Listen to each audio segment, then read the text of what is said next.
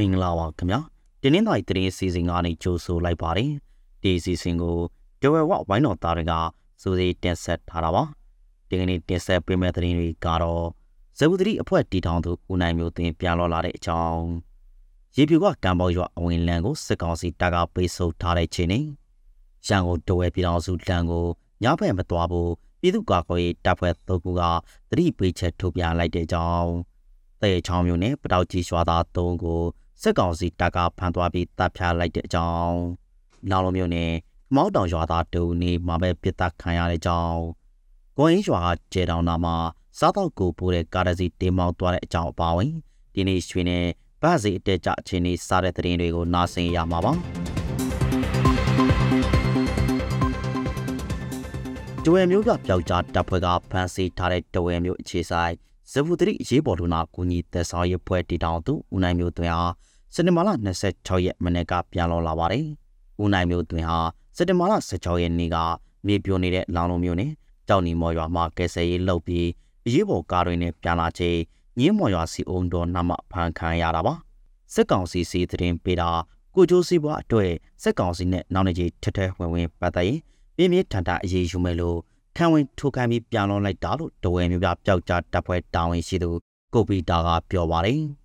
လက်ရှိမှာတော့ဦးနိုင်မျိုးသွင်းရဲ့ဖုန်းနယ်လောကိုရှာရင်သိသိခဲ့ပြီးဖိုးရဲက data ချက်လက်တွေကိုကိုယူပြီးပြန်ပို့ပေးမယ်လို့ဆိုပါတယ်။ပရိုက်တာလိုနေတဲ့အတွက်စစ်ကောင်စီတပ်သားတွေစီအကြောင်းကြားဆက်သွယ်ရတဲ့ပတ်သက်မှုမျိုးကိုတော့နားလည်လက်ခံတယ်လို့ကိုပီတာကပြောပါတယ်။ဒါပေမဲ့သူ့ရဲ့လက်ကိုင်းဖို့ထက်မှာတော်လိုင်းရေးတပ်သားအချို့ရဲ့ချက်လက်တွေကိုစစ်ကောင်စီတပ်အပါဝင်နိစသူတွေစီပေးပို့ထားတဲ့မှတ်တမ်းတွေ ပြောဆိုဆက်သွယ်ထားတဲ့ဖိုးမှတ်တမ်းတွေကိုလည်းတွေ့ရတယ်လို့ဆိုပါတယ်။ပြန်လောပြီးနိုင်ပိုက်ကြမှာတော့စစ်ကောင်စီတပ်သားတွေကဦးနိုင်မျိုးသွင်းကိုမင်းများစစ်ဆေးနေတယ်လို့ဇဗုဒရီနဲ့နိစသူတွေကဆိုပါတယ်။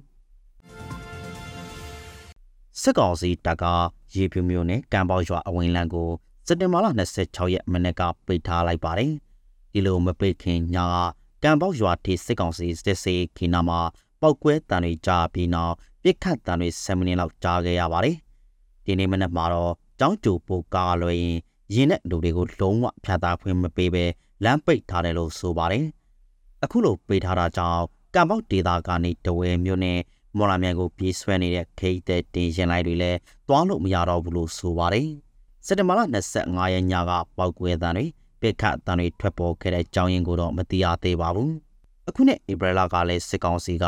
ကံမောက်ရွာအဝင်လံကို၃ရက်အကြာပိတ်ခဲ့ဘူးသလိုဇူလိုင်လကလည်းမပေါက်ကွဲသေးတဲ့မိုက်နှလုံးတွေးလို့နေတဝက်နေပါလမ်းပိတ်ခဲ့ပူပါတယ်။ရန်ကုန်တဝက်ပြည်တော်စုအဝေးပြေးကားလမ်းကိုညနေ6နာရီကနေမနက်6နာရီထိဖြတ်တန်းသွားလာတာမလုပ်ကြဖို့ပြည်သူ့ကာကွယ်ရေးတပ်ဖွဲ့၃ခုကသတိပေးချက်ထားထုတ်လိုက်ပါတယ်။တဝဲပျောက်ကြားတော်လိုင်းတပ်ဖွဲ့ဝင်းတပ်ဖွဲ့နဲ့တဝဲကာကွယ်ရေးတပ်ဖွဲ့ DDD တို့က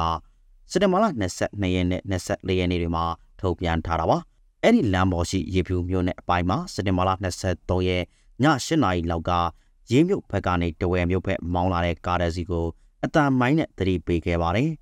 စက်တင်ဘာလ19ရက်နေ့ကလည်းကလေးအောင်မြို့တာယာမွန်ဂျီဝါနာမှာဘလိုပေါက်ကားတစ်စီးည8နာရီလောက်မှာပဲဖြတ်တန်းသွားလို့အပစ်ခံရပြီးအမျိုးသား2ဦးတန်ရာရှာခဲ့ဖူးပါတယ်။အဲ့ဒီပစ်ကမှုကိုဘယ်ဘက်ကပစ်ခတ်တဲ့ဆိုတာကိုတော့မသိရသေးပါဘူး။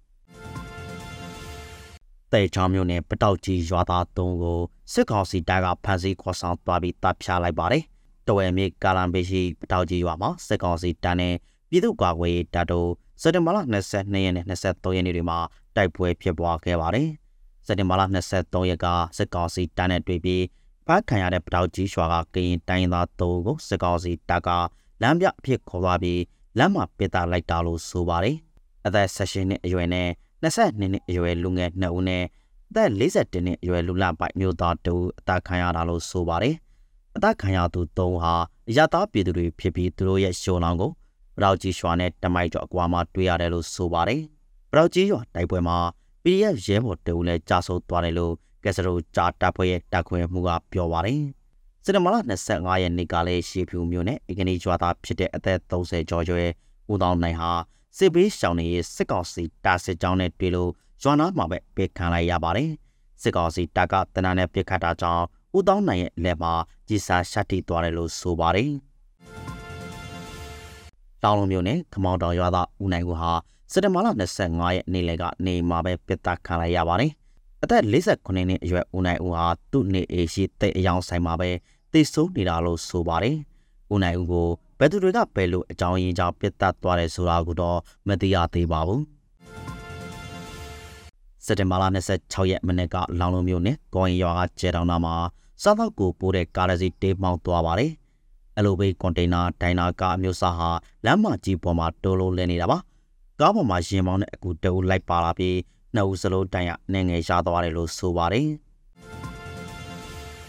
နောက်ဆုံးတပိုးနေနဲ့ရွှေနဲ့ပါစေအခြေအနေကိုတင်ဆက်သွားပါမယ်။ အခောက်ရွှေစီဟာဆက်တိုက်ကြနေပြီးဒီနေ့မှလည်းတကြသားကိုကြ9000ထပ်ကြသွားပါတယ်။တဝဲဈေးကွက်မှာအခောက်ရွှေတကြသားကို34သိန်း2000ဈေးဖွင့်ထားတာပါ။ထိုင်ပါစေလဲကြာနေပြီးမြန်မာငွေတသိန်းကို1090ဘတ်ပေါက်ဈေးရှိနေပါတယ်။